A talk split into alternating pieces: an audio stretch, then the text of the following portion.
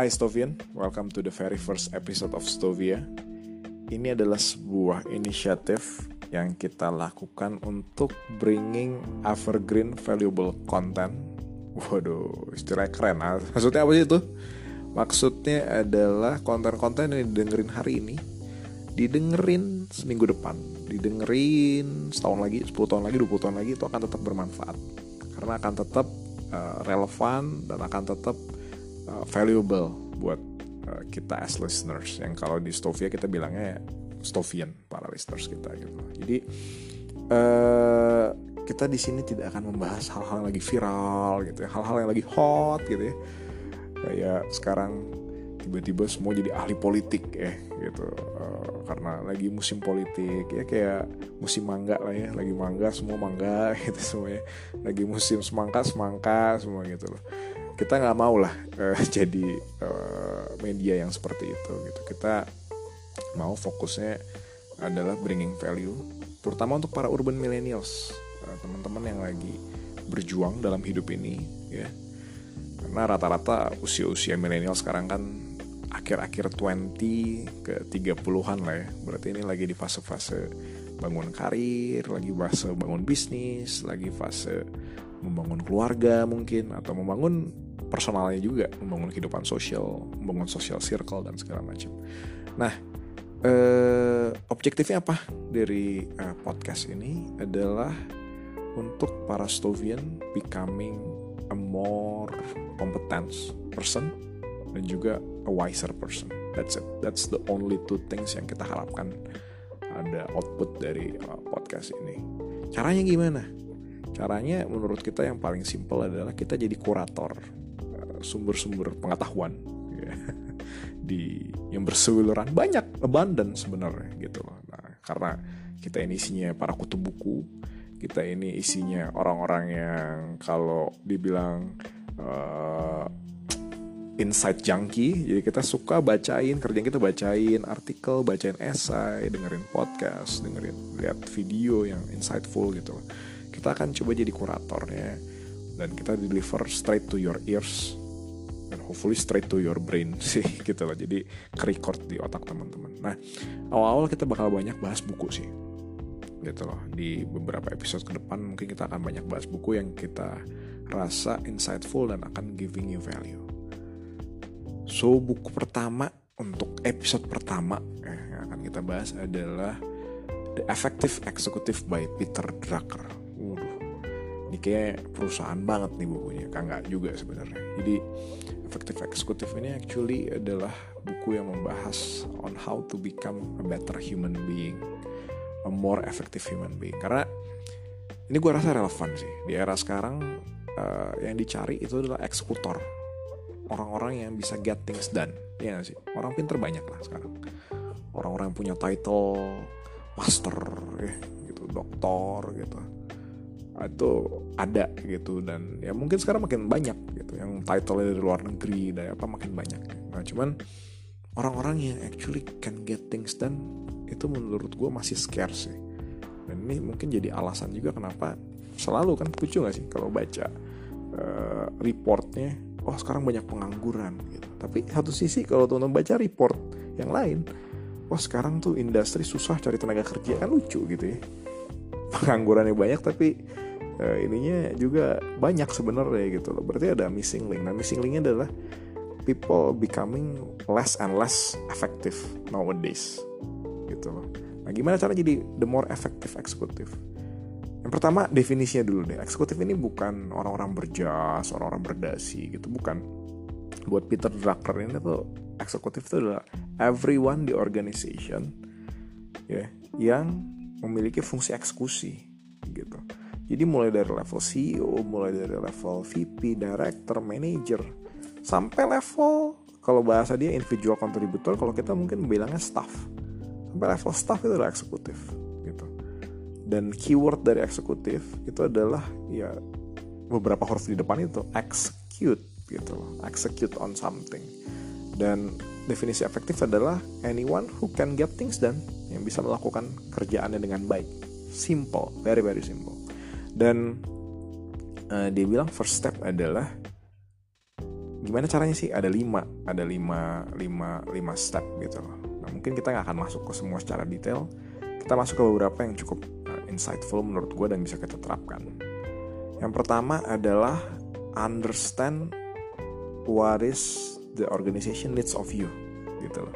Jadi organisasi itu butuhnya lo ngapain sebenarnya result apa yang di expect dari organisasi? Always ask that question gitu loh. Apa sih result yang diharapkan dari gue instead of apa sih job desk gue ya kan mesti kayak gitu ya. Uh, apa uh, orang baru masuk kerja. Apa sih kerjaan gue di sini? Gitu. Bukan kayak gitu tapi tanya resultnya apa sih yang di expect dari teman-teman gitu jadi dan juga jangan apa sih gue sukanya gitu? Apa yang pengen gue lakuin? Bukan itu bukan apa yang pengen gue lakuin tapi apa yang dibutuhkan organisasi dari gue itu yang bakal harus jadi fokus teman-teman. Itu yang pertama. Caranya apa? Caranya komunikasi. Caranya komunikasi caranya pelajarin apa sih yang organisasi lagi kurang dan teman-teman harus coba fill in the gap gitu. Katakan sekarang organisasi atau perusahaan teman-teman lagi butuh salesnya tinggi gitu.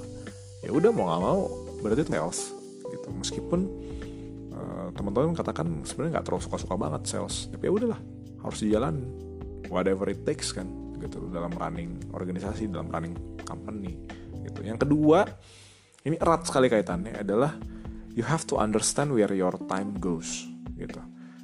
Ini menurut gue relevan sekali apalagi di era sekarang di mana kita kayaknya ah, banyak habis waktu tuh untuk melakukan hal-hal yang nggak berguna gitu loh scrolling sosial media, nonton YouTube, lihat uh, Facebook dan segala macam. Caranya gimana sih bisa understand where your time goes? Simple. Lakukan time auditing kalau bahasanya Drucker gitu. Jadi uh, dari bangun tidur sampai tidur lagi catet catet catet catet itu seharian ngapain aja dan harus detail. Nggak bisa kayak cuman oke okay, jam 8 atau jam 9 gue meeting. Really? Benar? Meeting? Atau gimana? Gitu. Jam 8 atau jam 9 itu meeting lu datang jam berapa? Tepat waktu nggak? Ya kan? Yang kedua saat meeting lu ngapain? Bener nggak nih ikut meeting? Atau jangan-jangan 15 menitnya lu habis buat buka Twitter buka Instagram gitu. Lo nggak ngemerhatiin meeting gitu. Terus katakan oh jam 9 sampai jam 11 gue balesin email gitu beneran nih balesin email gitu. Kalau uh, apa atau atau atau ke distract banyak hal gitu. Ngobrol sama teman kanan kiri gitu. Nah ini coba lakukan time auditing. Jadinya kalau teman-teman melakukan time auditing teman-teman actually tahu. Simple sih. Apa yang teman-teman lakukan throughout the day apakah uh, moving you closer to the contribution yang organisasi butuh dari teman-teman semua? Sesimpel itu kok dan jangan salah juga ada banyak busy work quote unquote busy work ini yang uh, kelihatannya kayak kerja tapi nggak actually moving you towards the contribution atau towards the goals gitu. Katakan kalau uh, sekarang uh, balasin email misalnya atau, atau meeting deh. Kan kerja ya selalu kerasa kayak itu kerja. Tapi apakah meetingnya membahas apa yang teman-teman butuh untuk selesaikan apa enggak? Nah ini jadi jadi jadi pertanyaan. Kalau contribution yang lagi dibutuhkan adalah sales tapi habis itu teman-teman meetingnya itu tentang katakan uh, bagaimana cara uh, membangun branding company yang lebih oke okay, gitu kan? Ya ya oke okay, itu kerja sih tapi bukan itu yang lagi kontribusi diharapkan dari teman-teman. Cut everything yang memang nggak ada kaitannya sama itu gitu. Nah ini erat juga kaitannya sama poin ketiga dari uh, Drucker punya uh, tips atau Drucker punya prinsipal on how to becoming uh, effective executive which is dalam pekerjaan itu sebenarnya cuman ada satu dua hal yang paling utama untuk teman-teman lakuin. Bahasa dia first keep the first thing first gitu prioritization lah ya. Ini ini uh, kedengaran generik tapi emang happens dan banyak kita suka loss terhadap ini gitu. Katakan sekarang gini untuk uh, moving the sales numbers up misalnya katakan itu yang dibutuhkan adalah kita closing dengan company A dan company B. Ya udah fokus di situ aja. Fokus on how to close with company A company B. Kadang-kadang tuh kita ada kayaknya bisa nih kalau gue misalnya nih gue coba banyak uh, gue coba dealing dulu sama company C company D. Yang size company-nya katakan uh, 10 kali lipat di bawahnya company A company B. It it will not moving your your your apa your your needle gitu loh. Gitu. Kebayang gak sih? Dan kita tuh kadang-kadang kalau melakukan hal yang susah akhirnya kita coba cari-cari sendiri. Apa sih yang lebih mudah untuk dilakukan? Dan kita melakukan itu dulu. Dibandingkan hal yang actually susah yang harus jadi prioritas jadi kelupaan jadinya gitu. Kayak misalnya uh, ini banyak ditemuin juga di organisasi misalnya gitu. Kuncinya tuh adalah rekrutmen anggota misalnya. Tapi karena rekrutmen anggota ini susah kita jadinya uh, banyaknya tuh oh bikin uh, apa kumpul-kumpul kongko-kongko kebersamaan yang gitu-gitu yang hal-hal yang nggak esensial gitu. Buat apa gitu. Jadi put the, the the main thing is to put the main thing as a main thing. Itu prioritization gitu. Only satu apa dua kerjaan yang akan moving the needle and you should focus on it gitu. Jadi tiga ini menurut gue erat kaitannya.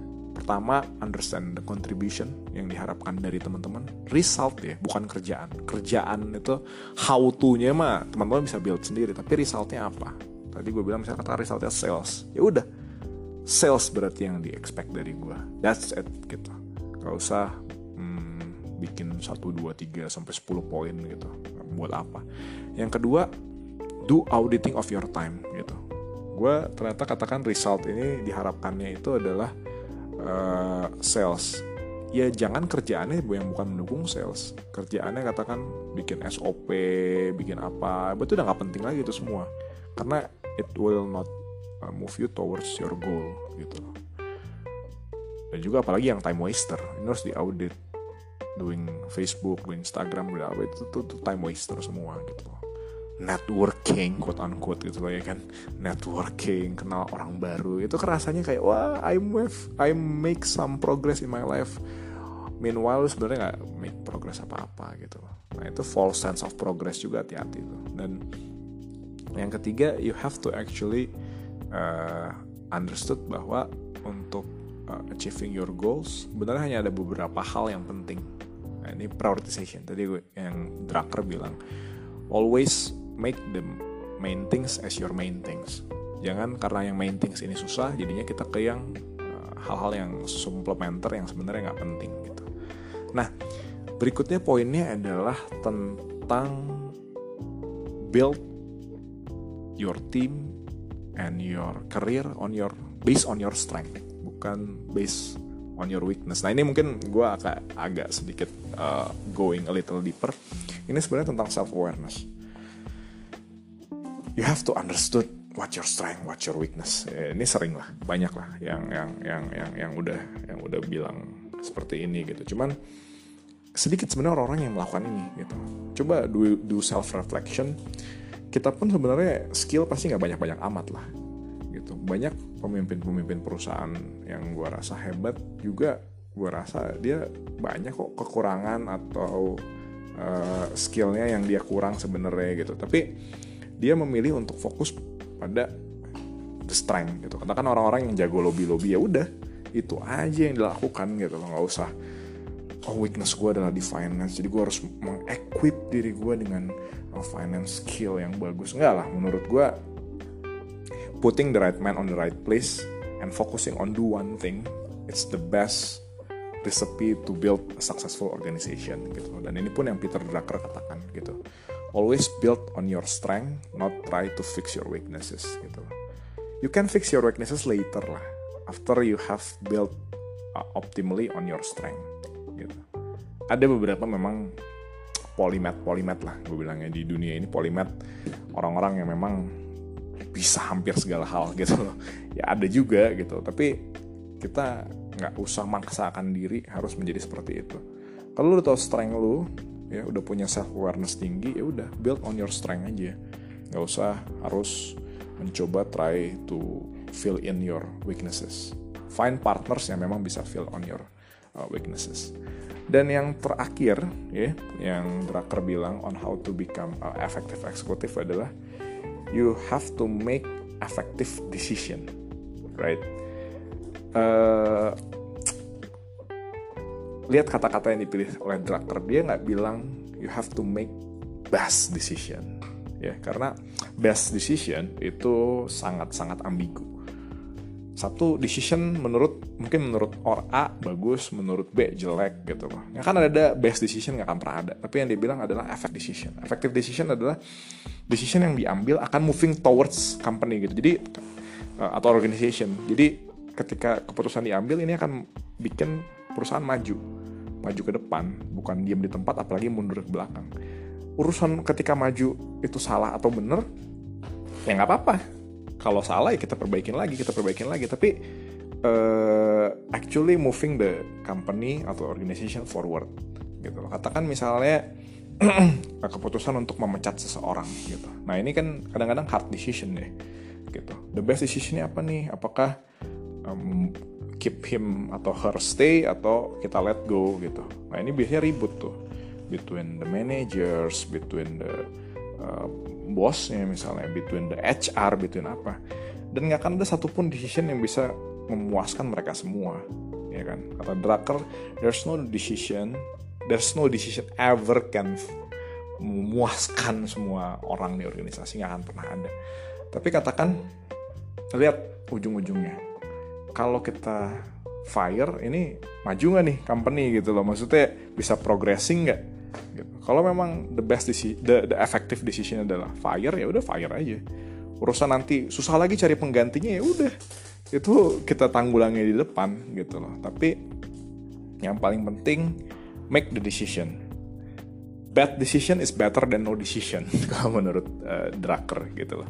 Jadi uh, no decision itu bikin orang akan frustasi di organisasi. Pernah sih kita terlibat meeting yang ujungnya tuh bahas lagi, bahas lagi, review lagi, review lagi gitu.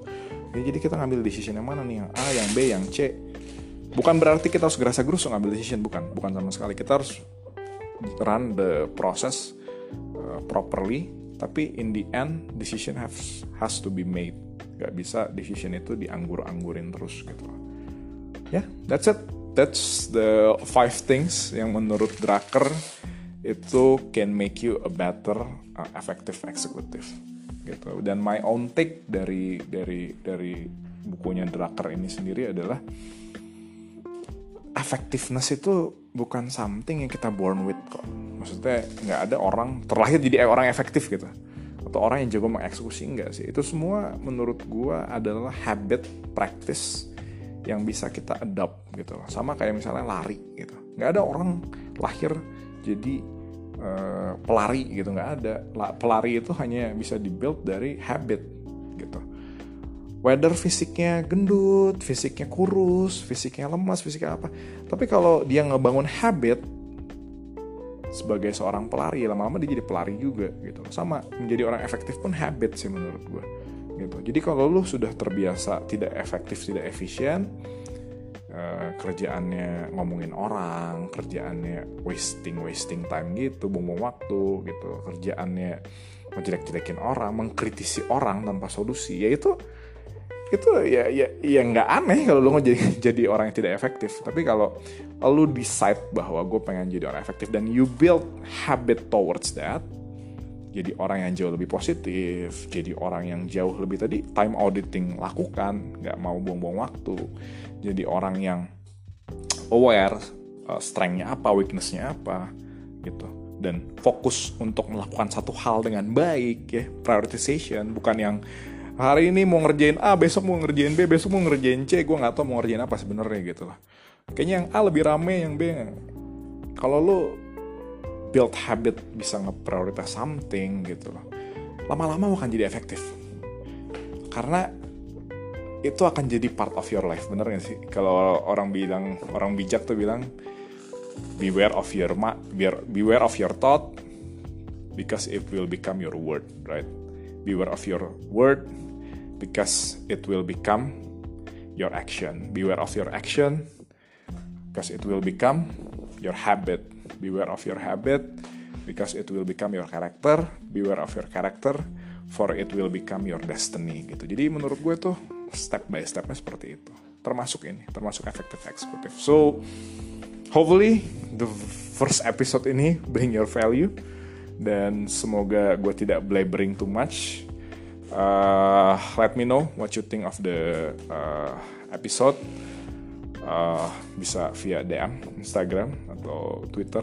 Twitter handle gue Andrew Ryan 21. Sorry, Andrew Ryan aja kalau dia yang di Instagram Andrew Ryan 21. Cheers and have a great weekend.